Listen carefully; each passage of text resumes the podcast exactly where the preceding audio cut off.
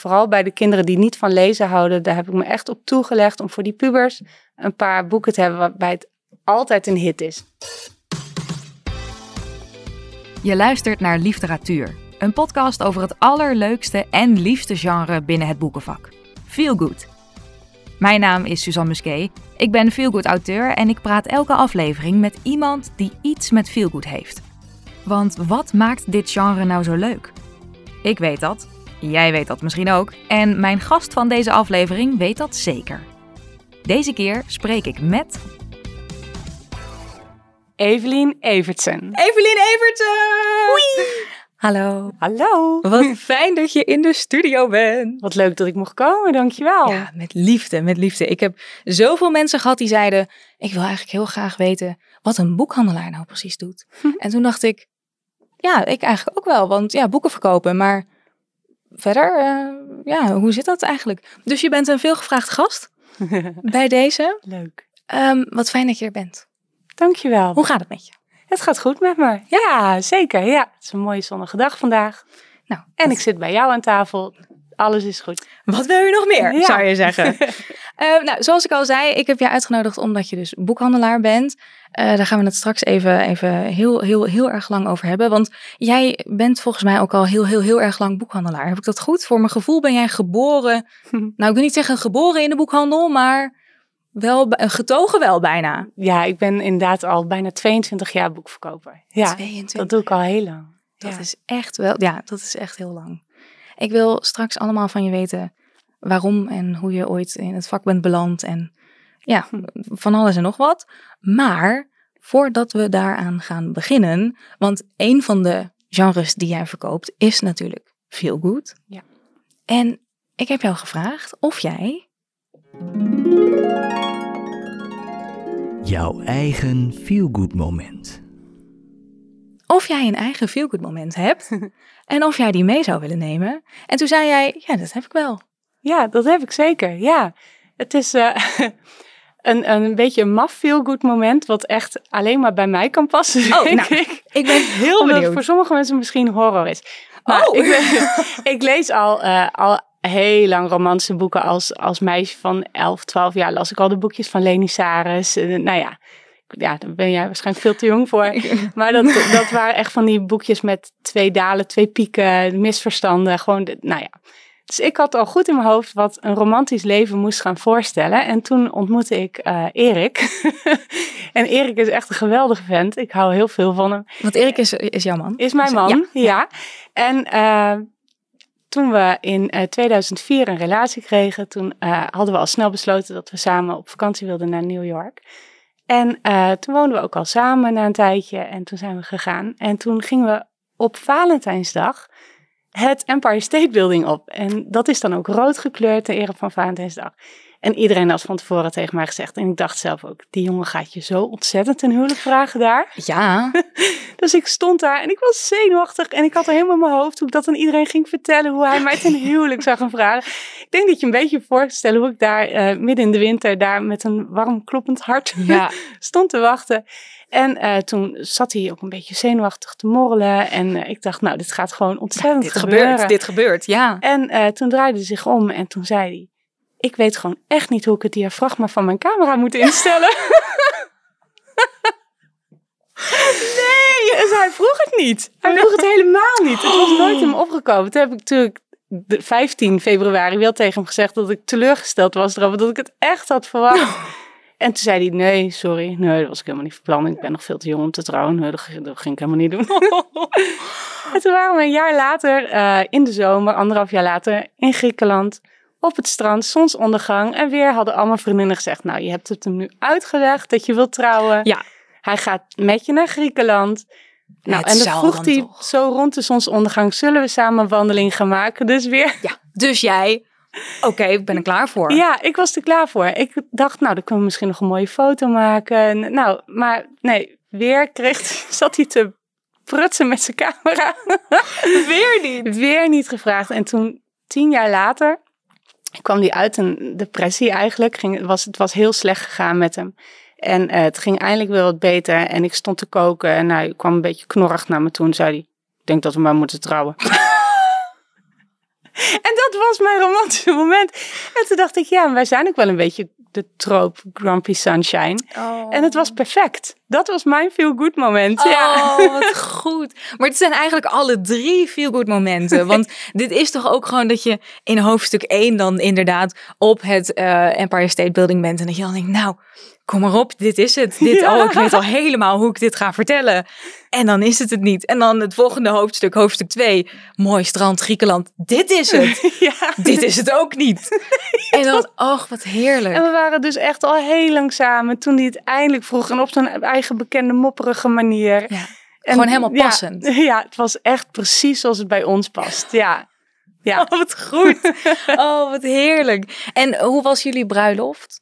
Ook helemaal zoals wij dat zijn. Ja? Ja, gewoon een beetje... Ja. Ja. Nou ja, dan gaan we het maar trouwen. Ja, ik wil. Maar op de foto zie je ook dat ik dus met mijn armen wijd uitgestrekt echt ja, Oh. zo sta. En ik vlieg hem om de nek en hij staat dan. Oké, oké. Ja, zo. Ja, en dat is helemaal hoe wij zijn en dat, dat past ook. Ja. Dus jullie zijn eigenlijk inderdaad samen gewoon de real life Grumpy versus Sunshine. ja, wel een beetje. Ja. Ja. Ja. Oh, wat goed. wat heerlijk. Ik zie ook af en toe, want ik volg jij natuurlijk op, eh, op Instagram en ik zie af en toe dingen voorbij komen hoe gek jij wel niet op je man bent. En dan denk ik, ach, dat is toch, nou, ik vind dat zo leuk om, ja, en, en, en hoe je dit nu dan vertelt, nou, geweldig. Echt. Past ja. in het plaatje? 100 procent. Ja, dit is echt, dit is, dit is zo'n, dat zijn drie feel good momenten, maar dit is zo'n, ja, gewoon perfect. Dit Ja. is een, dit is een feel good verhaal eigenlijk. Ja, achteraf wel. Ja, op dat moment vond ik het echt niet leuk. Ja, want inderdaad, hoe ben je dan op het moment dat je dus weer in die lift naar beneden, wat is het? Ik weet niet hoeveel verdiepingen dat zijn, maar veel verdiepingen. En dan he- he- heeft, want je hebt het de dag daarna wel tegen hem gezegd van, ik had dacht eigenlijk wel. Ja, dat zoiets moet je wel hardop zeggen. Want anders dan kun je je hele vakantie verder verknoeien door daarover te gaan zitten mokken. Ja. Dus ik heb het gewoon gezegd. En toen was hij heel nuchter. Nee, dat was ik helemaal niet van plan. hij zat echt met zijn hoofd bij de instellingen van zijn nieuwe spiegelreflexkamer. Ik weet niet hoe ik dat diafragma. Oh, wauw. ja, Wat heerlijk. ja, en toen konden we er ook om lachen. En toen waren er, was ik ook niet zo... Mobieltje was toen ook nog niet. Het was, wat was het? 2007 was het. Oh ja, ja. Dus nou ja, toen, pas toen we thuis kwamen was het... En? Ja, en was je... Nee, Nope. nee, niet... eh, ja, nee, niet gebeurd. Niet gebeurd. Maar prima, weet je. eh, Ja, straks als we ooit- Griekenland. Ja. oh, oh, en dat hij dat dan ook zoveel jaar later dan nog... Maar goed, het is dus helemaal goed gekomen. het is helemaal goed gekomen. Heel gek op elkaar. En- Ja, en niet volgens het, volgens het boekje, bijna letterlijk, maar dat is ook het echte leven natuurlijk. Ja, ja, dat is ook dus in zekere zin wel, eh, wat dat betreft, volgens het Feel Good boekje. ja, ja. Toch? Absoluut. Nou, als we het dan even over Feel Good boeken hebben, hè, dan... eh, jij bent dus inderdaad, jij bent boekverkoper. Ja, Ehm, je zei net dat je dus echt al, hoeveel jaar zei je nou? bijna 22 jaar. Dat is, ja, dat, dat zei ik net ook al, dat is lang. Maar ehm, ik ben 30, dus toen, toen ik acht was, begon Oh jij. ja. Je had je eerste AVI-boekje bij mij kunnen Ja, kopen. Ja. Precies, ja, precies. Hoe, hoe ben jij begonnen? Werd jij op een dag gewoon wakker en dacht je, ik ga eens even kijken of ik kan solliciteren bij een boekhandel? Mhm. Of hoe werkt dat? Nou, ik heb Engels gestudeerd en was vast van plan om docent Engels te worden. En eh, ik bleek ongeschikt. Oh, Mijn eerste stage was op een school in een wat moeilijkere wijk van Amsterdam. Vier haven op een vrijdagmiddag. En eh, nou, toen werd mij het een en ander duidelijk. en de belangrijkste was daarvan wel van, nou, voor de klas, dat gaat hem gewoon niet worden. Oh, ik werd eh, jeetje. met de grond gelijk gemaakt. Daar, de docent liep ook de klas uit. Dus was, ik werd echt voor de haaien geworpen. Nou ja, maar goed, ik studeerde gewoon Engels. Dus ik heb gewoon toen mijn papiertje gehaald. En eh, toen nagedacht, wat wil ik? En ik wilde boekverkoop worden. Ik speelde als kind eigenlijk altijd al winkeltje. Ik was altijd bezig met... En niet omdat ik geld wilde verdienen. Maar het gevoel van, ik heb iets wat jij waarschijnlijk heel leuk vindt. En ik kan je daaraan helpen. oh wat goed. Ja, ja dat, zo was het ook echt. En eh, gelukkig ben ik toen aangenomen bij een boekhandel in Nunspeet. Daar ben ik ook opgegroeid. En daar heb ik leuke jaren gehad. En toen ging ik dus met Erik samenwonen in Zwolle. En kon ik daar bij ons in de wijk zes jaar later ook aan het werk. En daar werk ik nog steeds. Wauw. Wat leuk. Ja, want, Ja. want, maar las jij dan als kind ook gewoon al heel veel? Ja, toen ik eh, vier of vijf jaar was, heb ik mezelf al leren lezen. Dus ik Oh, was, als mijn moeder zei, ga buiten spelen, was dat voor mij ook. En dan ga ik nu dus op de stoeprand met, Met mijn een boek boek. verder lezen. Echt Ja, dat was, eh, ja, ik was op de basisschool in ieder geval geen sociaal wezen. Ik was alleen maar aan het lezen. Je ja. bent een soort Matilda dan. ja, Gewoon maar dan echt, echt, eh, minus de vreselijke ouders. Ik heb wel hele leuke Oké, ouders. oh, nou, dat scheelt. Dat scheelt. Ja, en ook wat dat betreft minister magische krachten of misschien... Ja, nee, die heb ik ook niet. Ja, nee, we- wel geprobeerd. Ja. Welk meisje niet, hè? Tuurlijk, tuurlijk. Wie probeert het nou niet? Ik heb dat ook geprobeerd. Nee, ik gooi net wel bijna mijn water om, Ja, maar precies, niet met mijn ogen. Nee. Ehm, maar dus toen ben jij inderdaad in eh ehm eh, eh, Ozinga is het, hè? Ja. eh, ja. Wat goed, ja. Ja, ja, d- daar kom ik nog langs eh, dit, dit najaar. Eh, het is echt zo'n fijne, gezellige boekhandel. Ja. echt, ehm, en nu eh, werk je bij Westerhof Ja. in Zwolle. En ehm, eh, heb jij dan, dan, hoe ziet een dag van jou eruit? Je gaat gewoon, eh, je gaat gewoon naar de winkel en doe je hem open en dan eh, kom maar op eh, klanten? Of hoe, eh, hoe werkt dat? Ja, inderdaad. Nou, eigenlijk wel. Ik ga eh, s ochtends naar de winkel, dan moeten de kranten in trek en de geldladers moeten uit de kluis. En eh, nou ja, de computers moeten aan, lampjes moeten aan. En dan eh, heb je altijd meteen, omdat we in een Phoenixwijk zitten, dan komen de eerste moeders naar binnen die, eh, of vaders die hun kinderen naar school gebracht hebben en even langs de boekhandel gaan. Dus het is tussen 9 en 10 is het altijd goed druk bij ons in de winkel en heel gezellig. Oh, wat leuk. En dan eh, rond een uur of tien komen de tijdschriften binnen. En dan moet je de tijdschriften gaan op. Er komt heel veel binnen gedurende de dag wat opgeruimd moet worden. En ondertussen help je de mensen. Want jij zit ook op Instagram bijvoorbeeld en dan maak je af en toe eh, reels. Maak je dan, eh, of zijn het TikToks of zijn het reels? Reels, ik snap niks van TikTok. Nee. Oké, nou, dat, ik ook niet, dus dat scheelt. Maar later dit seizoen heb ik het nog, eh, eh, heb ik het nog met een boekdokker over, eh Oh. over boekdoks, dus dat is heel fijn. Maar ehm, eh, je had dus op een gegeven moment inderdaad ook zo'n filmpje van dat er wel eens mensen voor de deur staan. Zo, Oh, hoi, weet je. Ja. Terwijl je nog, ja. Ik heb zelf ook in, een- in, in een kledingwinkel gewerkt en ehm, daar was het inderdaad ook wel eens dat mensen, en in de supermarkt bijvoorbeeld ook, dat ze gewoon echt zo, supermarkt helemaal, om, om, om vijf voor acht, ja. hoi. En dat je dan nog even buiten wat dingetjes buiten neer moet zetten of zo. En dan weer terug naar binnen moet en dan zo, ja, we gaan zo echt open hoor. Ja. ja. Oh, dat heeft de slijter naast ons ook. Dat is natuurlijk Oh. helemaal verontrustend. Ja. Ja. Oké, goedemorgen. Goedemorgen. Oh, dat is ook interessant. Ja. Ja. Ja. dan zou ik gewoon liever niet om vijf voor negen voor de deur als nou. Nee. Maar bij ons is dat inderdaad ook vanmorgen nog een om eh, tien voor negen. Ik wil om negen uur deze 15 velletjes gelamineerd hebben. Ja, meneer, dat Ja, kan dat kan niet. Letterlijk. Nee. Nee, ik kan om negen uur het lamineerapparaat aanzetten voor u. En dan, ja. ja. Maar dat doe, je, dat doe je ook nog. Naast. Ja, we zijn kantoorboekhandel. Ja, dus dat soort eh printservice en dat soort dingen, dat hebben we er ook allemaal bij. Oh, ja. En dan dus ook nog een hele, hele, heleboel boeken. Mhm. Heb jij een bepaald genre dat je het liefst verkoopt? Als iemand binnenkomt en dan zegt, ik wil heel graag een kinderboek. Of ik wil heel graag een feelgood boek. Of ik wil een dit of dit. Ga je aan op een bepaald genre? Ehm, ja, toch wel feel good. Ja, Ja? Daar kennen, daarom kennen we elkaar denk ik ook. Ja, ik hou echt van boeken waar mensen blij van worden. Ja, maar ik vind het ook echt heel bijzonder als er een jongen van een jaar of 14, 15. De, want dat is echt de moeilijkste groep om te bereiken. Om daar een boek voor uit te kiezen. Dus er zijn verschillende redenen waarom ik blij word van klanten. Om, of omdat het juist zo zeldzaam is, of omdat het is van ja, hier heb ik een heleboel tips van, kom maar mee. Ja, Ja, want jij, jij zegt net van ik, ik, ik kon het niet, eh, ehm, eh, ik kon niet wachten om eh, als ik heb iets wat, wat jij misschien graag wilt hebben en daar kan ik heel veel over vertellen. Heb jij, ken jij dan ook het hele assortiment uit je hoofd? Zo van, nou, ik, iemand zegt ik dit en dit boek voor iemand van 14 of zo. En ze leest eigenlijk nooit. En dan denk jij, ik weet het, die moet je hebben. Voor sommige dingen wel. En je, het helpt als je een beetje empathisch aangelegd, aangelegd bent. En ervaring natuurlijk. Op een gegeven moment heb je ook wel een paar trucjes hoor. Die, eh, die je toe kunt Oh. passen. Van die, van die allemans vrienden. Ja. Die zijn er gewoon. En vooral bij de kinderen die niet van lezen houden. Daar heb ik me echt op toegelegd. Om voor die pubers een paar boeken te hebben. Waarbij het altijd een hit is. Als je, en mijn bekendste trucje is wel livestream van Buddy Tegenbos. Want hij is in gesprek gegaan met pubers. Oh, wat willen jullie dan? Ja. Nou, we willen iets wat voor de lijst mag. We willen iets eh, wat snel leest. Mag niet te dik zijn. Veel actie. eh, liever geen romantiek. Want dan willen jongens het ook nog lezen. Ja. En zo'n boek heeft hij toen geschreven. En dat trucje Ja. zet ik ieder. Maar dat is ook gewoon een goed boek. Een heel geschikt boek. Nou, dan ja.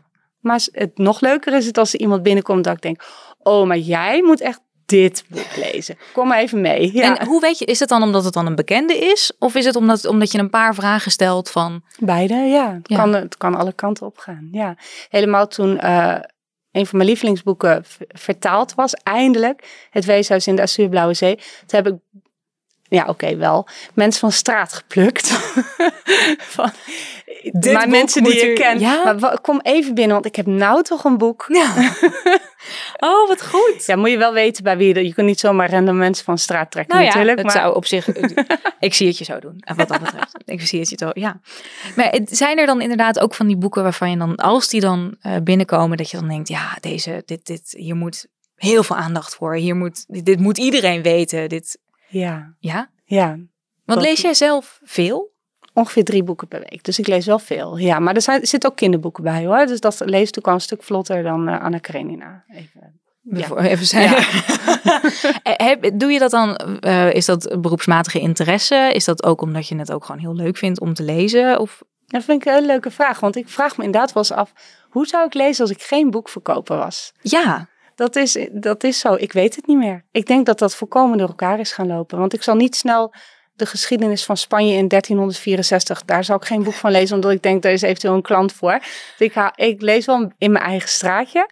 Maar wel, ik wil wel zoveel mogelijk op de hoogte blijven. Zodat ik de nieuwste boeken heb gelezen die wij in de winkel hebben. Zodat ik die kan verkopen. maar je kunt nooit alles. Kan Je kunt niet. wel een, een, een groot deel van het assortiment wel in ieder geval kennen. Zo van, nou dan is waarschijnlijk dit Ja. voor iemand heel erg geschikt. Maar je kunt nooit alles Nee. lezen, toch? Nee, klopt. Mijn collega Beb die en ik overlappen.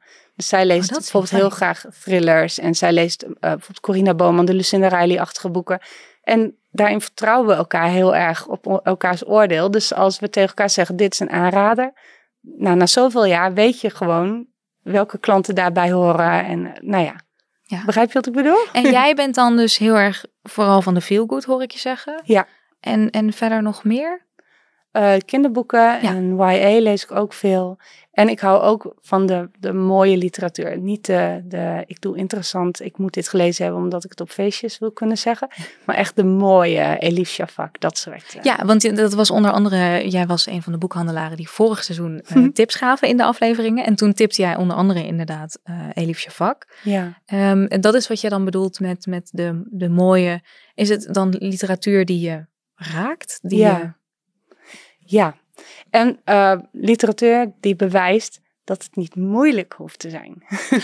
Oh. Want er wordt, naar mijn mening, wordt er vaak zo ingewikkeld gedaan over literatuur. En doen schrijvers vaak ook ingewikkeld over literatuur.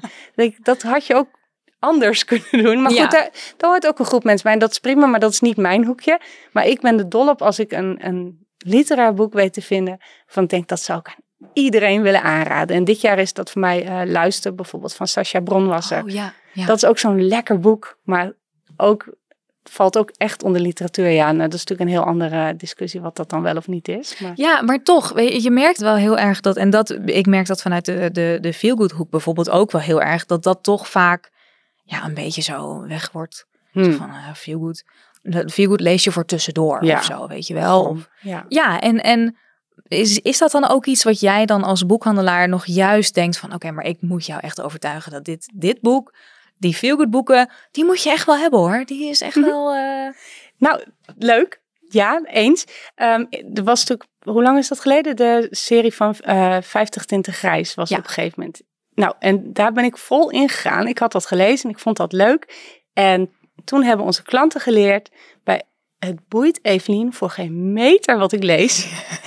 ik heb geen soort van reputatie op te bouwen bij haar. En daar ben ik toen onbewust, heel, dat heeft mij heel veel leuks gebracht. Toen heb ik mij eh, laten zien als de boekverkoper bij wie je gewoon kunt kopen wat je leuk vindt. Je hoeft niet interessant te doen bij ons in de winkel. Vertel maar gewoon wat je wilt lezen. Schaam je vooral niet. Je leest toch? Ja, leesplezier, dat moet echt bovenaan staan. Ja. Hoe zit jij dan, eh, we hadden het net heel even over, over jongeren en zo. Hoe zit jij dan in, ehm, in, want dat is dus lezen voor de lijst en dat soort dingen. Dan, dan, je hebt zelf natuurlijk een dochter. Ehm, inmiddels is het zo dat je mag steeds meer lezen voor de lijst. Het hoeft niet alleen maar Bernlef en Harry Hm. Mulisch en, eh, en, en wat is het, Gerard Reven en zo te zijn.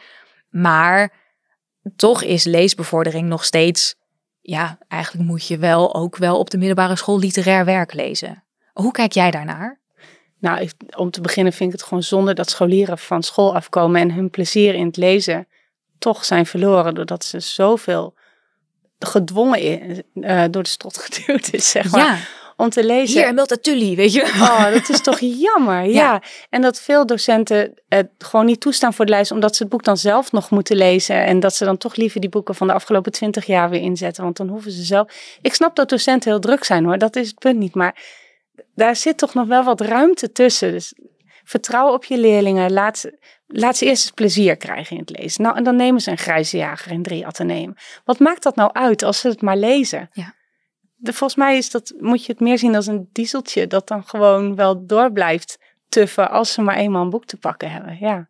Heb je nou ook dat je dan je eigen dochter heel erg probeert in te peperen van lees nou toch gewoon kind?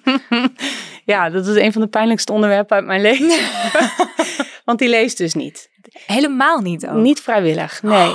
En Alleen ik- onder dwang. voor je. ja, nou ja, ik heb haar nu zo gek gekregen om eh, de Kluitman novelles te lezen. Mhm. Die eh, zijn gewoon erg goed en die, eh, die durven ook wat meer naar mijn mening. Dat zijn best wel heftige onderwerpen met, nou, zoals 24 uur van Marcel van Driel. Gaat over een meisje die echt moet vluchten voor haar leven, omdat ze ook, nou, anders serieus vermoord wordt en die kans zit er dik in.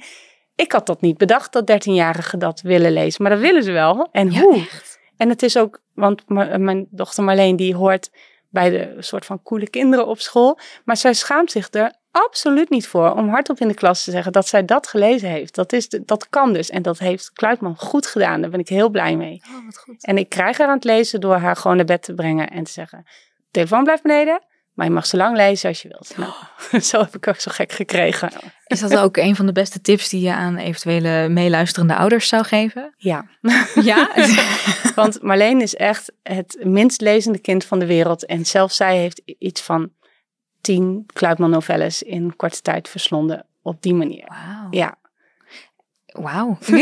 dank je. Dat wil ik even horen. ik eh, neem mijn, eh, mijn petje af. Ik heb, er, ik heb er geen op, maar eh, ik, zal, ik kan, mijn koptelefoon Ja, afzetten voor. Kluitman bedankt. Ja. Ja, maar echt. Ja, maar dat, is dus, dat heeft dus ook deels met, met jou te maken. Want jij hebt waarschijnlijk ooit tegen haar gezegd... die novelles van Kluitman, daar moet je, daar moet je, die, die heb jij ooit mee naar huis genomen, toch? ja, van probeer dit dan eens. Ja. Ja, klopt. Maar ik ben ook misschien wel degene die haar het leesplezier om te beginnen al ontnomen heeft. Door in groep drie haar maar te blijven pushen. Nu kan je lezen, door, door, door. Ja, echt? Echt waar? Ik, ik weet het niet. Ik weet niet wat er is gebeurd, maar ze vindt het echt niet leuk. Nee, Oh, wauw. ja, ik weet niet. Maar je hebt het wel, eh, dan heb je het, want voordat ze dus die novelles oppakte, dat was poging eh, 184 Ja, ongeveer. van die week. Ja, klopt. ja, ik was altijd, voordat ik moeder werd, was ik altijd zo verwaand. En zei ik, lezen, dat is gewoon een kwestie van opvoeden. Dat moet je Nou. gewoon in de opvoeding meegeven. Ja, dat zou je toch. Nou, Ja, ik maar dat is heel goed niet zo. Nee, dat is niet zo, mensen. Dat u het even weet. Ja, als je kind wil lezen, dan heb je daar gewoon geluk mee. Ja, Echt waar, zo nuchter durf ik het echt te stellen. maar dan heb je dus ook wel heel veel geluk op het moment dat er een boekverkoper tegenover je staat. En dat als je kind wil lezen en je met je kind naar de boekhandel gaat en zegt, nou, is er iets wat je hebt, dat er dan iemand als jij aan de andere kant van de toonbank staat die dan zegt, weet je wat, ik weet wel wat. Ja, Toch? ja, en ook dat ik tegen de moeders dus zeg, je hoeft je niet te schamen. Die mythe van het zitten in de opvoeding, dat klopt helemaal niet. Kom ook maar met je kind dat niet van lezen houdt, want het zal toch moeten. Ja. Kom maar, ik vind wel wat, want mijn kind is net zo. En hoe voelt dat dan op het moment dat ze dan terugkomen en dan zeggen, eigenlijk was het best wel heel leuk, heb je nog een volgend deel? Beste gevoel van de wereld. Ja, Echt. ja echt? Daarom verkoop ik bijvoorbeeld graag eh, moordgids voor eh, echte meisjes. Ja. Want dat heeft een deel 2 en dan kun je het dus gewoon weten. Ja. en een deel 3 geloof ik ook zelfs, toch? Ja, ja, Ja. ja. Moordgids voor lieve meisjes, toch? Van Holly... Jackson. Ja. Ja. Ik, heb, ik wilde hem, die wilde ik dus als e-book lezen, maar die is op de een of andere manier, het e-book is echt, want hij is heel mooi opgemaakt en zo, Oh, maar het e-book is een soort, ja, oh ja, het Die is wel een ervaring dat boek. Ja, en ik denk dus misschien dat ik hem nog wel op papier een keertje koop. Want dat is wel. Ik hoor heel veel mensen inderdaad daarover. Echt van jongeren tot. Nou ja, Ja. men- dat, dat- ja. Hoe kijk jij überhaupt over? Jij zegt ik lees wat kinderboeken bijvoorbeeld ook, YA. Hoe kijk jij überhaupt naar als je als volwassene bijvoorbeeld YA leest? Vooral doen, toch? Ja. Is Ja, de- ik heb daar helemaal geen mening over. Iedereen moet gewoon lezen wat hij leuk vindt. Want mensen zeggen dan wel eens, ja, maar als je op een gegeven moment als je volwassen bent, dan lees je geen kinderboeken meer. Of dan lees je geen nou ja, YA is dan wel echt uh, nou, tot aan 20 of zo. En daarna houdt het toch wel een keertje op. En dan moet je over op hè, de literaire, die literaire werken of de weet ik het wat. Ja, als zij dat voor zichzelf vinden, dan moeten ze dat vooral laten. Maar ik, ik ga me door niemand laten vertellen wat ik wel of niet zou moeten lezen. Ja, ik vind het een beetje jammer. Ik vind het leuk aan YA en kinderboeken dat ze buiten alle hokjes durven te gaan. Er zit, er zit geen uh, vast stramien in, er zit veel meer fantasie in. Ja, ik, ik ben blij dat het allebei bestaat, want ik hou ook heel erg van de feel-good boeken. En ik hou, ja, er is zoveel om van te houden, ja. Nou, er is gewoon heel veel om van te Dus het is ook, ik zag op een gegeven moment, laatst zag ik zo'n plaatje van, dat er dan een kind voor de tv zat en een kind met een boek. Hm. En dan was de schaduw van de tv, was gewoon een vierkante schaduw van de tv. En de schaduw van het boek was dan helemaal met draken en, oh, en weet ik veel, en een kasteel en weet ik veel wat zo daarachter. En dat was een heel mooi tekeningetje. Toen dacht ik, ja, je hebt oh. een hele wereld voor je. Ja, zo kan het voelen, hè? Ja. nee, dat, nou. Um, als het, deze aflevering verschijnt, uh, we nemen hem iets eerder op, maar hij verschijnt vlak na Sinterklaas. De decemberperiode is volgens mij voor jullie één grote chaos, denk ik. Dat klopt wel, ja. We zijn natuurlijk inmiddels wel gewend aan wat er komen gaat, dus je bereidt je voor. Maar het is, bij ons is eigenlijk de stelregel in de kinderboekenweek, die uh, uh, vlak voor de herfstvakantie is uh, begint het eigenlijk al met uh, Sinterklaas cadeautjes kopen. Dan gaan bij ons de Sinterklaas rollen op de, op de houder, zeg maar. Ja. Oh, wow. ja, dan uh, had je in oktober nog niet al je Sinterklaas cadeautjes van elkaar. Moet ik dan in oktober mijn Sinterklaas cadeautjes hebben? Is dit nu een... Nee, maar de, de, de, de, het begint dan, dat het begint met twee, drie cadeautjes per dag, natuurlijk nog geen gekte. En dan na Sint Maarten, als de lampionnetjes opgeborgen zijn, dan begint het echt. Dan, uh, dan, dan, pak je meer Sinterklaas cadeautjes in dan gewone cadeautjes, zeg maar. Ja. En uh, ja, 4 december, dat is gek huis. Ja. ja. En heerlijk. Dat is de beste drukte die je kunt hebben. Dat is zo leuk. Dan ben je de hele dag advies aan het geven. Maar je bent ook lekker aan het inpakken. Je komt in een soort flow dat het inpakken ook heel snel gaat ineens. Ja, en, ja, en omdat we een team zijn dat al jaren samenwerkt, zijn we helemaal op elkaar ingespeeld. Dus dat dat is gewoon een heerlijk gevoel. Ja. Komen er dan ook, want ik kan me zo voorstellen dat er specifiek mensen met het Sinterklaasloodje in de hand komen hm. vanaf, het is Sint Maarten is... Uh, 11 november. 11, ja, hè? Ja. Um, dus vanaf 12 november, zeg maar, die hm. komen zo, nou, dit is het loodje, dit boek staat erop, doe maar die maar en het is een cadeautje. -hmm. Maar komen er dan ook mensen die zeggen, ja, ze houdt van lezen, ze houdt van dit en dit. Ja. En dan zeg jij, komt u maar even mee, ik heb wel een ideetje. Ja, ja, niet honderd keer per dag, maar dat gebeurt wel een paar keer per dag.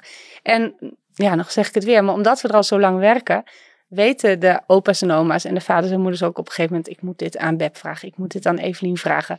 Je hebt gewoon je eigen, je begint een beetje je eigen klantjes te krijgen en uh, van nou, weet je nog, vorig jaar heb je me dit en dat boek aangeraden, dat viel wel of niet goed wat kan je me nu aanraden? Ja, leuk. Ja, leuk. Superleuk, ja. toch? ja.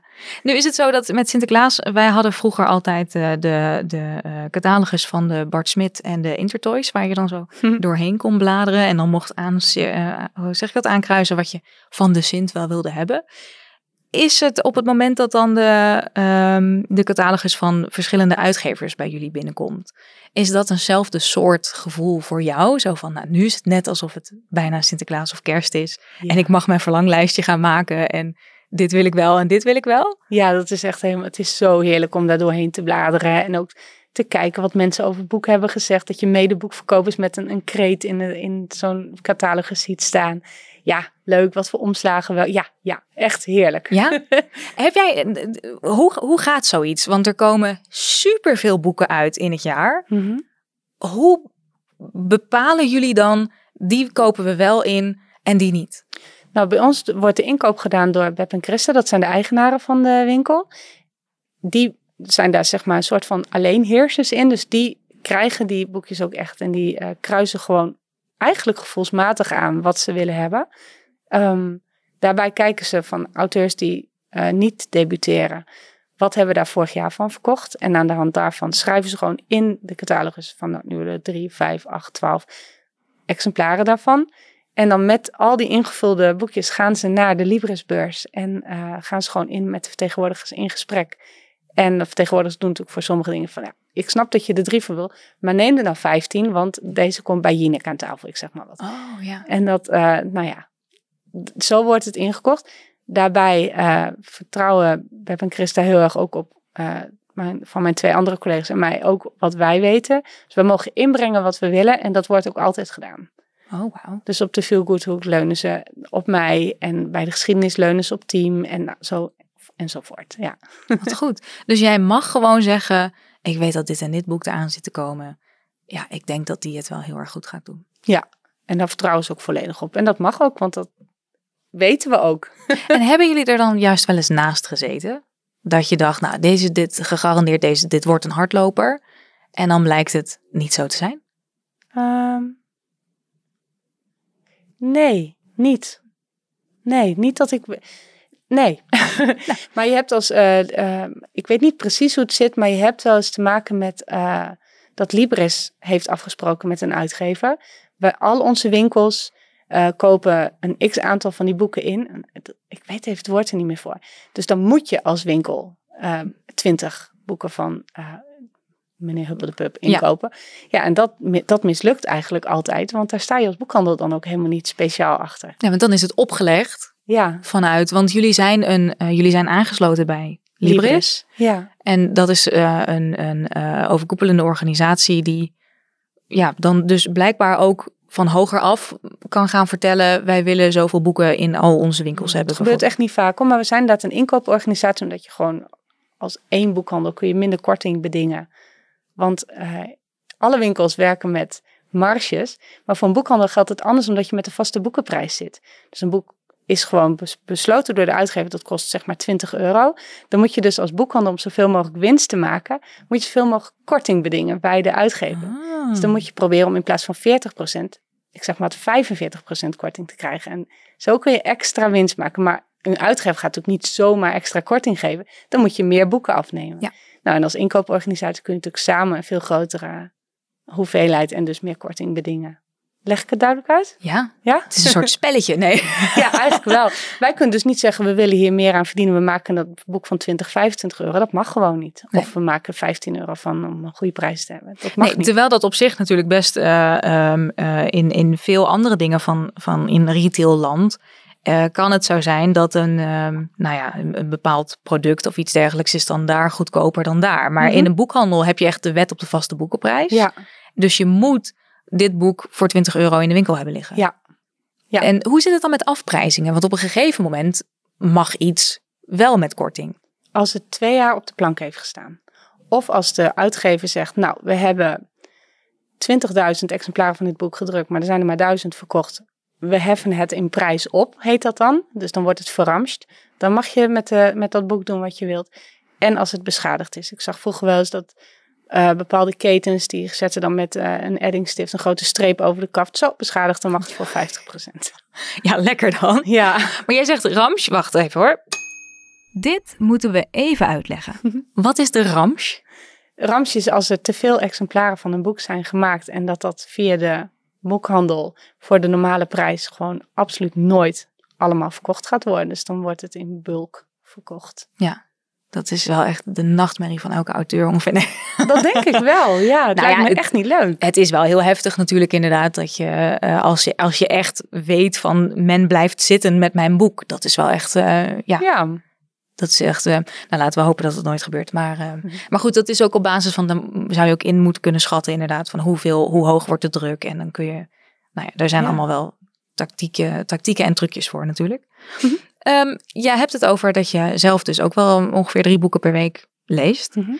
Ik heb jou gevraagd of jij wat van die boeken mee wilt nemen om er wat over te vertellen. en dat wilde ik. Ja. En dat wil jij. Want ik zie hier een eh, drietal eh, hele mooie boeken liggen. Of eigenlijk, er liggen er vier. Maar eentje daarvan eh, is een vertaling van een van, een van de boeken. En die heb ik dan al zelf weer bijgelegd. Het staat zo mooi op het stapeltje. Ja. Ehm, wil je vertellen wat je mee hebt genomen? Ja, natuurlijk. Ehm, nou, omdat jouw podcast over feelgood gaat, eh, dacht ik natuurlijk meteen aan mijn allerfavorietste feelgood schrijver ooit. En dat is, dat weet ook echt iedereen, dat is Lisette Jong. dat, weet, dat weet ook echt iedereen. Ja, iedereen die mij kent weet dat, ik- dat ik gewoon echt van haar boeken hou. Ehm, maar het leek me een beetje te overduidelijk en te, nou ja. Dus ik heb eh, haar ehm, minder bekende vertaling van Trots en Vooroordeel meegenomen. En dat boek ligt me ook echt na aan het hart, want ik hou heel veel van Trots en Vooroordeel van Jane Austen. En ik hou ook dus heel veel van Lisette Jonkman en hoe ze schrijft. Mhm. En toen heb ik gewoon eens een keer een balletje opgegooid van... hey, Blossombooks, jullie doen toch die klassiekers-serie? Is het niet een leuk idee als Lisette Trots en Voordeel voor jullie gaat vertalen? En toen zei, en dan heb ik iedereen in getagd op Instagram, dus ze werden wel een beetje voor het blok gezet. maar toen zei Lisette, nou, ik wil wel, als zij ook willen. En Blossomboek zei, ja, wij willen ook wel, als zij wil. En toen is dat boek gewoon gekomen. Dus jij, jij hebt eigenlijk eigenhandig voor dit boek gezorgd. Ja, want ik kan best wel dictatoriaal worden als, het, als ik echt heel veel van iets hou. En dat lukt lang niet altijd. Zo'n goede dictator ben ik niet. Maar eh, dit is gelukt. En ik kan werkelijk nog steeds niet geloven dat het echt gebeurd is. En dat het zo goed geworden is als dat het geworden is. Want wauw, Lisette is, is echt geniaal. Nou, eh, Liz, bij deze een enorme veer in je, in je reet van, eh, van Evelien. Ehm, trots en vooroordeel, wil je heel kort nog even... Ik denk dat de meeste luisteraars wel zullen weten... Trots en vooroordeel, Pride and Prejudice van Jane Austen... dat we ongeveer weten waar het over gaat. Maar wil je heel kort vertellen waar het over gaat? Eh, ja, heel kort. Nou, ik hou dus van Grumpy Sunshine. En dit is de moeder van alle Grumpy Sunshines. het gaat over Elizabeth Bennet. Die is een van vijf zussen. Haar moeder wil graag dat ze gaat trouwen. En dan wordt, eh, ze krijgen nieuwe buren. En de beste vriend van de buurman is meneer Darcy. En dat is een stuk zagrijn die eh, haar totaal niet ziet zitten. En haar familie een beetje tokkie vindt. en ze mogen elkaar niet op het eerste gezicht al niet. Hij is best verwaand en zij doet ook onaardig tegen hem. En langzamerhand komt alles goed. Heb ik het zo kort genoeg Wat een goede samenvatting. En langzamerhand komt alles goed. Ik, wat ik zo mooi vind, is dat dus de boeken van Jane Austen, ehm, eh, wat dat betreft, natuurlijk al heel, heel oud zijn. Want ze zijn echt al een paar eeuwen geleden zijn ze geschreven. Maar dat ze nog steeds gelezen kunnen worden en nog steeds Ja. relevant zijn. En Ja. nog steeds, en zeker dus in zo'n toegankelijke vertaling als eh, dat Lisette ervan gemaakt heeft. Daarmee is het eigenlijk, wordt het verhaal bijna, bijna een soort naar het nu gehaald. Ja. Ja, dat is toch fantastisch. En ze heeft niks weggelaten. Alles staat erin. Het is niet een eenvoudige abridged eh, versie. Ja. Nee, ze heeft, alles staat erin. Als je dit boek hebt gelezen, heb je ook echt trots en vooroordeel gelezen. je hebt meer boeken bij, hè? Ja, ja. Ik heb ook, eh, ik heb ook The House in the Cerulean Sea meegenomen. En eh, dat boek is eigenlijk oorspronkelijk voor mij een eh, cover buy. Dus een boek dat je koopt omdat het er zo mooi uitziet. En terecht ook, want wil je even omschrijven hoe de cover eruit ziet? Want dit is toch, Je ziet, Ehm, eh, ja, het is eh, TJ, TJ Kloon, is het ja. Kloon? Kloene? Ik zeg ook Kloon. Kloon, Ja. ja. The House in the Cerulean Sea. In het Nederlands is die verschenen als het huis in de... Waarom is het in de azuurblauwe zee? Ja, want het staat niet in de zee inderdaad. Maar je ziet op de klif, eh, je ziet op de voorkant een klif die helemaal overhangt over die azuurblauwe zee. Ik denk dat het daar vandaan komt. Ja. Want eh, dat weeshuis moet zo ver mogelijk van de bewoonde wereld afstaan. Van de overheid in deze wereld. Ik denk- Ik denk dat dat de reden is. Ja. Het weeshuis in de azuurblauwe zee. The House in the Cerulean Sea. Oké, waar gaat het over? Het gaat over een weeshuis. Ja, in een wereld waarin eh, kinderen met magie geboren kunnen worden. En eh, die kinderen worden dus door de maatschappij gezien als zeer gevaarlijk. En moeten dus in weeshuizen opgeborgen worden. En in het begin van het verhaal moet een eh, heel trouwe ambtenaar moet van zijn baas naar dat weeshuis om te controleren of iedereen zich wel aan de regels houdt daar. En hij mag daar een maand verblijven en hij gaat daarheen en niemand houdt zich daar aan de regels. En bovendien eh, woont ook de antichrist in dat weeshuis. Het is een heel schattig, stout jongetje. En een paar andere magische wezens die eh, nogal uitbundig van aard zijn. Onder andere nou, gewoon verschillende kinderen die je als lezer trouwens meteen in je hart sluit. Maar die ambtenaar die moet echt even zijn, eh, zijn eh, rigide hart laten smelten. En dat gebeurt tijdens dat boek. Dus het is, dit boek is gewoon zo gezellig en warm en een letterlijke feel good. Je voelt je zo goed als je dit boek leest. Ja. Schitterend. Ik zie wel op een aantal plekken dat die wordt eh, aangeprezen als, of, of wordt verkocht als een jeugdboek. Vind jij het een jeugdboek? Vind je het een... Waar schaar jij hem onder? Ik had hem zelf niet als. Ik was verrast toen de Nederlandse uitgever hem had gerubriceerd als kinderboek. Ja, Want dat vond ik niet. Nee, het is gewoon een fantasy, cozy fantasy. Dat is een nieuw genre. cozy fantasy. Ja, Wat een goeie. ja. Oh, dat vind ik heel mooi. En ook een bruggetje naar Legends en Lattes, het derde boek. Ik neem nou helemaal de, de, de touwtjes in handen, Ja, sorry. dat mag. De- dictator, dus ga je gang. ja, dat is echt zo. Ehm, Legends en Latte, ja, Legends en Lattes van Travis Baldry is echt ook zo'n gezellig boek, maar dat wist ik niet toen ik het ging lezen. Het eh, gaat over een, eh, ja, ik weet het woord even niet, een ogre, zeg maar zoals Shrek. Ja, ja. Maar dan een vrouw die eh, is in de strijd en ze, is, ze heeft alle oorlogen al gewonnen en ze is heel sterk. En ik dacht dus dat het zo'n boek zou worden met epische gevechten. Maar het boek begint dus met dat die ogre is er eigenlijk wel flauw van, ze wil een koffiewinkeltje beginnen. En daar gaat het over. Ze heeft een magische steen, heeft ze veroverd tijdens haar laatste gesprek. En die magische steen begraaft ze onder het huis waar ze, vind, waar ze haar koffiewinkeltje gaat beginnen. En die steen is magisch, want die trekt alleen maar de juiste mensen voor haar aan. Nou, dat is toch gezellig. Maar iedereen wil die steen natuurlijk hebben. En dat is wel een beetje het spannende onderdeel in het verhaal. Dat, dat heb je wel nodig. Het mag niet alleen maar goed gaan natuurlijk. Ja. En eh, daar gaat het over, over hoe zij een koffiewinkel die Legends en Lattes heet, opbouwt. En de meest onverwachte figuren duiken op in haar leven en maken haar winkel een steeds groter succes. Met daarbij voor de lezer de dreiging, gaat die dief eh, succes hebben met het stelen van die steen? Want dan klapt alles in elkaar natuurlijk. En dit is dus, wat jij dus zegt, een cozy fantasy. Cozy fantasy.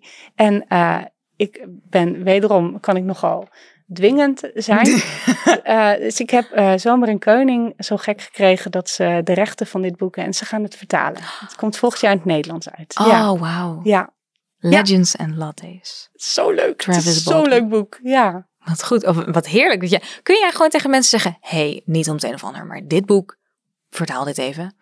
Ik kan het zeggen en het gebeurt maar zelden. Het is me maar twee keer gelukt. Drie Maar keer als je deze meetelt. Eh, Pride and Prejudice. Ehm, ik, heb, Nog, een keer, nog een keer verder dan. ik heb ook lopen smeken en of, eh, of Evie Dunmore. Eh, A League of Extraordinary Women. Of die eh, vertaald mag worden. En dat is ook gelukt. Hmm. Ja. Zoals ik nou iemand. ik was eh, van de zomer op een boekig evenement. En toen liep ik bij het kraampje van Xander Uitgevers. En toen hoorde ik tegen ze: Ja, dat is die van Ivy Dan. oh man. Hoi. Hi. Ja, graag gedaan. Ja. Graag gedaan. Nee, verder raakt mijn invloed niet. Maar ik kan wel heel fanatiek. Als ik het echt wil, dan ga ik wel heel lang door totdat ik mijn zin heb. En als het niet lukt, nou ja, jammer dan. Maar ik snap wel, jij bent natuurlijk wel eh, vanuit de boekhandel, weet jij wel heel erg, je hebt gewoon heel veel kennis van heel veel boeken. Na 21 jaar wel. Ja, Mhm. toch? Ja, dus wel, dat durf ik wel te zeggen. ja, Ja. bij deze ben je nu voortaan altijd. Misschien moet ik een extra rubriek maken met eh, wat vindt Evelien? En dan maken we even Net een soort Caesar, dat ik mijn duim opsteek of niet. dat je zo omhoog of naar beneden. Oh, geef me alsjeblieft niet zoveel macht, ik zou het misbruiken. Ja, Toch wil ik even voor denken. 5 euro, ja. Oh, dat je dan ook om te kopen bent. Nee, dan wordt het heel heftig. Ja. Dan wordt het heel heftig. Oké, dus ehm, trots en vooroordeel. Zou jij dan The House in the Cerulean Sea, zou je dan de Engelse of de Nederlandse aanraden? Oh, heerlijk. Leuke vraag. Want dat is een eeuwigdurend dilemma. ik vind namelijk in de eerste plaats, je moet gewoon de Nederlandse uitgevers steunen. Zij organiseren evenementen voor ons. Eh, zij zijn in Nederland. Eh, veel titels kennen we alleen maar doordat we het hebben gehoord via de Nederlandse uitgever. Dit gold natuurlijk vooral nog voor BookTok. Maar nou ja, gewoon net als support your locals, vind ik dat dat ook geldt voor uitgevers. Dus ja, maar Ja. het is natuurlijk ook zo dat Engelse edities vaak wat minder duur zijn. Ja. En eh, sneller verkrijgbaar zijn. En eh, veel mensen lezen nou eenmaal gewoon graag in het Engels. Ik hoorde eh, laatst van in een stukje dat Karin Quint zei op Instagram. Sommige scholieren hebben zo'n hekel gekregen aan lezen voor Nederlands. Dat ze uit weerstand in het Engels gaan lezen. Zodat dat anders voelt dan. Ja. En dat, dat, dat deed wel wat klik in mijn hoofd. Ik denk, ja, dat snap ik. Ja. ja. En natuurlijk is daar nog mijn persoonlijke interesse. Ik heb Engels gestudeerd. Ik hou van Engels lezen. Ja. En eh de Cerulean Sea, toevallig had ik die gewoon al gelezen en wist ik helemaal niet dat dat vertaald zou gaan worden. Nou ja, is dat een antwoord op je vraag? Ja, zeker. Ja. Nu weet ik wel dat hij. ehm, ik heb eh, dus de vertaling ehm, eh, heb ik in mijn boekenkast liggen en die heb ik deels gelezen en deels geluisterd. Hm. Hij is schitterend ingesproken. Dat wou ik nog heel even zeggen. Oh. Huub Dikstaal heeft hem ingesproken. Echt heel erg mooi gedaan. Dus als er mensen zijn die denken, hey, hoe zit het eigenlijk? Is er nog een goed, goede luisterboekentip? Nou, dan is dat ook zeker een hele goede tip om te luisteren. Maar als we het dus, en die laatste, dit is dan dus Legends and Lattes van uh, Travis Baldry, die komt er dus ook aan in het Nederlands. Mhm. Ga je hem dan herlezen? Ja, zeker. ja, ik ga hem ook kopen, want ze gaan er een speciale editie van maken. Ja, Ja. ja, ja sowieso. Ja. Nogmaals, steun, steun de Nederlandse uitgever. Als ik die mensen echt zo heb lastig lopen vallen over een Nederlandse editie, dan is het minste wat ik kan doen hem zelf kopen en er in de winkel ook een hele hompapa omheen maken. Ja, ik zie jou helemaal nu voor me dat je met trommel staat. Zo, hij is binnen. Weer mensen van de straat afhalen. Weer, komt u allemaal deze de Vries, kom eens even binnen. Komt u eens even deze kant op. hoe, hoe zie jij, ehm, eh, wat vind jij van de trend überhaupt dat er steeds meer Engels gelezen wordt? Dat er jongeren steeds meer in de winkel komen die zeggen, want dat zal bij jullie ook niet anders zijn. Mhm. Die zeggen, ik heb op TikTok dit en dit boek gezien. Mag ik die ook kopen bij jullie? Mhm. Wat vind jij daarvan? Ja, dat is gewoon prima. Ja, Ik, ik denk dat kinderen toch al heel erg op Engels gericht zijn. Doordat ze eh, Netflix s- kijken ze gewoon. in- Zoals Marleen, die dus niet van lezen houdt, mijn dochter. Die spreekt goed Engels omdat ze gewoon te lui was om te leren lezen. Maar ze wel die shows wilde kijken. Dus spreekt ze nu, of verstaat ze in ieder geval heel goed Engels. Ja. De wereld verandert. En dan kan er, los van wat ik ervan vind, gebeurt het toch wel. Ja. En als die kinderen dan willen lezen, laat ze dan lekker. Laten we dat nou niet gaan. Sorry, ik zit op een stokpaardje. Maar laten we Nee, dat nou niet gaan. Ja, daarom laat- wilde ik je er heel graag naar vragen. laten we ze nou niet gaan betuttelen. Die kinderen willen lezen.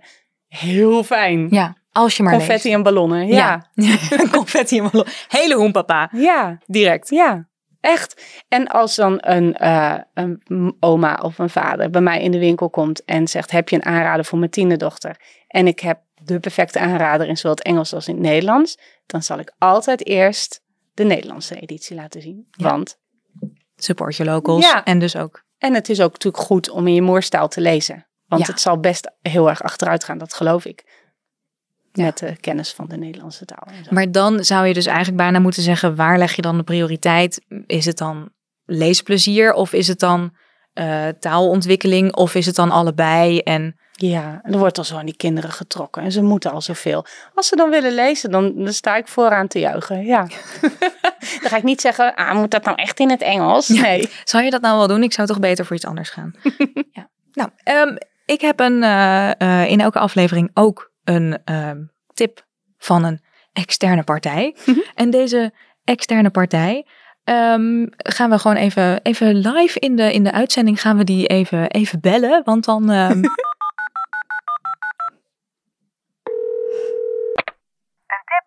van de Bookstagrammer. Een tip van de Bookstagrammer. Ehm, ben jij zelf eigenlijk een beetje Bookstagrammer? Ja, ik doe het al van voordat Bookstagram bestond, dus ik ben er per ongeluk ingerold. Ja, maar ik zie mezelf niet zo, maar ik val wel, pas wel een plaatje. Ja. Eigenlijk wel, toch? Ja. Maar het is alleen, nu, nu is het niet zo volgens mij dat jij op je bed met een mooi eh, eh, gedroogd roosje erbij en dan een, een stukje, eh, wat is het? Een stukje gebreide trui, zo mouw en zo en dan een, een, een, een latte erbij en dat soort dingen, zeg maar. Dat, dat, nee, ik dat probeer, soort ik foto's niet. geprobeerd, maar ik kan dat helemaal niet. Nee. Ik vind dat zo knap als Ja. mensen dat kunnen. Dan denk ik, wauw, dat vind ik zo. Bij mij ziet het er dan altijd zo uit alsof je, ook alsof die foto dan gemaakt is met een soort iPhone uit, uit 2009 of zo. En dan, dat je dan denkt, hé, hoe werkt dit? Ik dacht Ja. dat je gewoon een, eh, een, go- een goede telefoon had. Ja, ik weet niet, dat is Nee, ik weet ook niet wat ze doen. Ik bewonder het wel heel Ik erg. vind het echt ja. heel bijzonder. Maar eh, eh, jij zit dus wel inderdaad veel op Instagram. Mhm. Volg jij ook veel bookstagrammers Ja. zelf? Bijna alleen maar, ja. Ja, prachtig. Dan kom je heel goede tips tegen. Ja, toch? Ja. Nou, wat goed dat je het eh, over een tip hebt. Want eh, deze tip van deze aflevering eh, komt van Natasha van About My Bookshelf. En ehm, nou, laten we gewoon eerst even, even luisteren. Dan hebben we het er zo meteen even over. Hoi Suzanne, Natasha van About My Bookshelf hier. Een boek dat volgens mij veel meer aandacht verdient is Hij, Hij en Ik van Kristen Higgins. Als Faith Holland en Jeremy Leon elkaar leren kennen is het liefde op het eerste gezicht. Na een aantal jaar vraagt hij haar ten huwelijk. Maar wat de mooiste dag van haar leven moet worden eindigt in een nachtmerrie. Als Jeremy's beste vriend Levi vindt dat het tijd is dat Jeremy toegeeft dat hij homo is. Na deze rampzalige gebeurtenis slaat Faith op de vlucht. Drie jaar later keert ze noodgedwongen terug. En dan blijkt Levi Cooper haar nieuwe buurman te zijn. Higgins heeft een vlotte en beeldende schrijfstijl en dit zorgt vaak voor hilarische momenten. Faith en Levi hebben beide van alles meegemaakt, maar zijn toch sympathieke personages waardoor je ze snel in je hart sluit. Kortom, Hij, Hij en Ik van Kristen Higgins is hilarisch, warm en ontroerend tegelijk en moet door iedereen gelezen worden. Doei doei! Hij, Hij en ik van Kristen Higgins. Ken je dat boek? Nee. Dus wat fijn dat dat nu op mijn radar is. Ja. Het is dus al een iets ouder boek. Ehm, eh, hij is verschenen in 2017. Ja, wat, als je hem zo hoort, wat, eh, wat vind je ervan? Ja, ik denk, ga, ik wil meteen lezen. Dat, ja. er gebeurt zoveel. Het, dat is fijn dat een boek eenvoudig uit te leggen is. Ja. En dat er toch genoeg gebeurt waarvan je denkt, ik wil precies weten hoe dit allemaal gaat lopen. Ja, toch? En nou ja, Kristen Higgins heeft natuurlijk, eh, heeft natuurlijk vaker eh, eh, meer, boeken, meer boeken geschreven en ook nieuwere boeken ook nog. En dan staat er dus zo bij, bij die boeken van haar staat er dan wat de boeken van Kristen Higgins zo geweldig maakt. Het feit dat haar heldinnen net zo neurotisch, onzeker en stoer zijn als iedereen. En dat haar boeken zowel hilarisch als ontroerend zijn. Ja, Nou, dan denk je toch meteen, waar moet ik zijn? ja, ja. ja, Ik dit, dit boek moet ik hebben. Het vinkt alles aan, ja. Toch? Ja. Ja. Neurotisch en hilarisch. Ja. Ja, Kom maar, kom maar. ja. ja echt. Ja, nou, en hij, hij en ik is dus ook nog steeds eh, in ieder geval overal te bestellen en, eh, en ook gewoon overal te lezen. En voor de Kobo Plus gebruikers onder ons, hij staat ook in Kobo Plus. Ideaal. Maar dat, mag ik, is dat iets wat ik mag zeggen tegen jou als, als papieren boekverkoper? Het is er. Ja. Ja. ja, het is er. We kunnen er niet omheen. Ja, precies. En mensen gaan er meer van lezen. Ja. Ja, ik kan er van alles van vinden. Ik vind, maar ja, het kost de boekhandel geld. Ja, Maar tegelijkertijd, als je voor een tientje onbeperkt kunt lezen, lees je waarschijnlijk meer ja, dan wanneer je al je boeken bij Boekhandel Westhof moet kopen. Ja, dat is, ja, dat is absoluut dus waar. het is er gewoon. En eh, dus het is op zich niet zo dat jij dingen als Kobo Plus en eh, nou, misschien Storytel, luisterboeken en dergelijke, dat je denkt, hmm, dat vind ik, daar, daar vind ik wat van. Nee, het is er gewoon. Ja. Ik vind het wat anders als mensen in de winkel, en dat gebeurt hoor, dat mensen bij mij in de winkel komen voor tips, de tips noteren en dan zeggen, ah, prima, ik ga het online bestellen. Dat, daar vind ik wel wat van. Ja. Maar dat is, dat is toch echt wel even wat anders. Ja. ja. Ja, maar dat kan ik me voorstellen. Of nog erger, dat ze dan denken, ik ga even kijken of ik ergens het e-book gratis kan vinden. Oh, ja. Oh, dat, is, oh, ja. Dat doet Ja. gewoon pijn. Ja, dat, want dat kost meerdere partijen kost dat geld. Ja. ja. ja. Dat kun je gewoon, dat kun je niet doen. Maar Kobo Plus en, en, en überhaupt e-books en luisterboeken, dat is toch een soort, zie je dat toch wel als een soort, ja, het is ergens een beetje, het snoept wat weg, maar tegelijkertijd kan het ook een beetje wat aanvullen.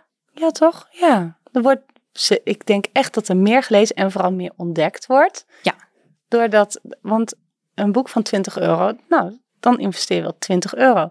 Maar eh, nieuwe schrijvers worden nu wel ontdekt. Doordat je gewoon even een hoofdstukje kunt proberen. En als het niet bevalt, nou, doe je het toch en dan haal je het weer van je iri eraf. Ja. Ja. Dus het kan, het kan elkaar ook helpen. Ja. Het glas is half vol. Het glas is half vol. Toch? Ja.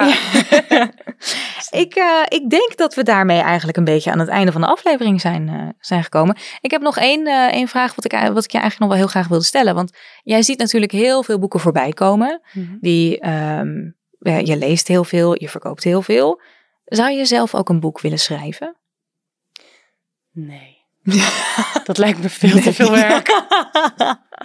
Nee, dat zou, nee daar, heb ik, daar heb ik de aandachtspannen niet voor. Het is ook heel veel werk, maar eh, dat, In die tijd kun je 60 boeken lezen, volgens mij. Ja. dat, is, dat is een heel goed punt. Ja. Maar het is nou niet dat je denkt van, nou, dit, dit, eh, dit wil ik ook, of dit kan ik ook, of dit zie ik mezelf ook wel doen. Of... Nou, ik heb heel lang wel een blog bijgehouden.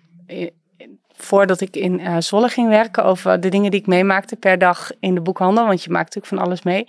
En toen merkte ik dat ik het, dat ik het leuk vind om te schrijven. En dat mensen er ook wel om moesten lachen om hoe ik het opschreef. Niet omdat het zo vol spelfouten zat, maar blijkbaar sloeg de humor wel aan. Maar daar ben ik mee gestopt omdat ik in mijn eigen wijk ging werken. En ik wilde niet herkenbaar zijn voor mensen. Ja. Dus, maar toen dacht ik, ja, ik vind, ik vind het wel leuk punt. Ja. Ja. Dus eh, dat op het moment dat je dan schrijft over eh, eh, die moeder met haar twee schreeuwende kinderen, die, die halverwege tijdschriftenrek alle tijdschriften eruit hebben getrokken, dat, dat je dan in ieder geval denkt, oh ja, oké, nou dat vertel ik wel gewoon aan mijn man en mijn dochter thuis. Af en toe maak ik er een reel over. Af en toe ja. maar een reel over, maar verder, Nee, niet. Nee, nee. Ik heb wel eens idee van, ik wou dat daar een boek van was. Maar ja, dat- daar blijft het bij. Ja. Maar dan heb jij dus, dan kun je weer even die dictatorknop aanzetten. En dan kun je dus gewoon auteurs bellen en zeggen: hey, eh, ik weet niet, maar schrijf hier eens een verhaal over of zo. Ja, maar auteurs hebben in mijn ervaring vaak toch wel 60 ideeën op de plank Ja, liggen. dat is wel om, eh, waar. Ja, dat zou ik nooit doen. Maar Nee. toch kun je het bij deze open uitnodiging, als je ooit denkt: Suus, schrijf daar eens een boek over. Dan eh, heb ik in ieder geval, eh, dan, dan beloof ik je dat het nummer 61 wordt. Oké, is goed. daar kan ik wel wat mee, ja. Evelien, mag ik jou super hard bedanken voor dat je aan wilde schuiven in, in de studio. Hm. Ehm, Natasja, mag ik jou heel erg bedanken voor je tip. We schrijven hem op onze ontzettend lange TBR. ja. Hoe lang is jouw TBR, Evelien? Daar hebben we het maar gewoon Hebben we gewoon niet over. Oké. Nee. Nee, hebben we het gewoon niet over. Bij deze, die is gewoon zo lang dat we niet meer weten waar die, eh, Nee. waar die is. Ergens voorbij de horizon eindigt. geen idee meer. Gewoon echt geen idee. Nee, zo, dat vind ik een hele goede struisvogeltactiek om gewoon... Ik weet niet, ik weet niet waar je het over hebt. Welke vraag eh, was het? Welke stelde ik net? Nee, geen idee. Het enige boek dat bestaat is nu. Ja. Ja, precies. Het is alleen maar wat er nu gelezen wordt. Dus net als dat je dan wel eens zie je van die eh, eh, reels voorbij komen en TikToks dat je dan je nieuwe boek meeneemt naar huis en dat dan de andere boeken je zo ja. veroordelend aan zitten te kijken vanuit je boekenkast. Ja, dat zien we ook gewoon niet. Zo, Nee, eh, ik, ben de, ik draai me om. Ik zie het niet. Precies, ja. ja. arme, boeken. arme boeken. Jullie worden echt heus wel gelezen, ooit. Beloofd. Ehm, mag ik jou echt nogmaals ontzettend bedanken. Ja, en ehm, ik heb nog een paar eh, huishoudelijke mededelingen. Dat is onder andere dat literatuur uiteraard te volgen is op Instagram. Onder literatuur. Mogen mensen jou ook volgen? Tuurlijk. Ja hoor. Waar Ja. kunnen we je vinden? Op Evelien Evertsen. Evelien Everton. Dat moet lukken. Ehm, we gaan je volgen. Eh, en ik wil nog even zeggen dat ik in de volgende aflevering met Chantal van Gastel spreek. Leuk. Onder andere over bestsellers en boekverfilmingen. Oh, ja, natuurlijk. Want ja, dat is toch een van de groten der Nederlandse feelgood is toch wel Chantal. En ik ben super trots dat ze aanschuift in, eh, in de studio. En ik ben ook super trots dat jij er was. Nou, dat is aardig. Bedankt dat ik mocht komen. Heel graag gedaan. Ehm, alle luisteraars, bedankt voor het luisteren. En zoals altijd sluiten we hem af met tot de volgende en veel liefs. Oh. Doei!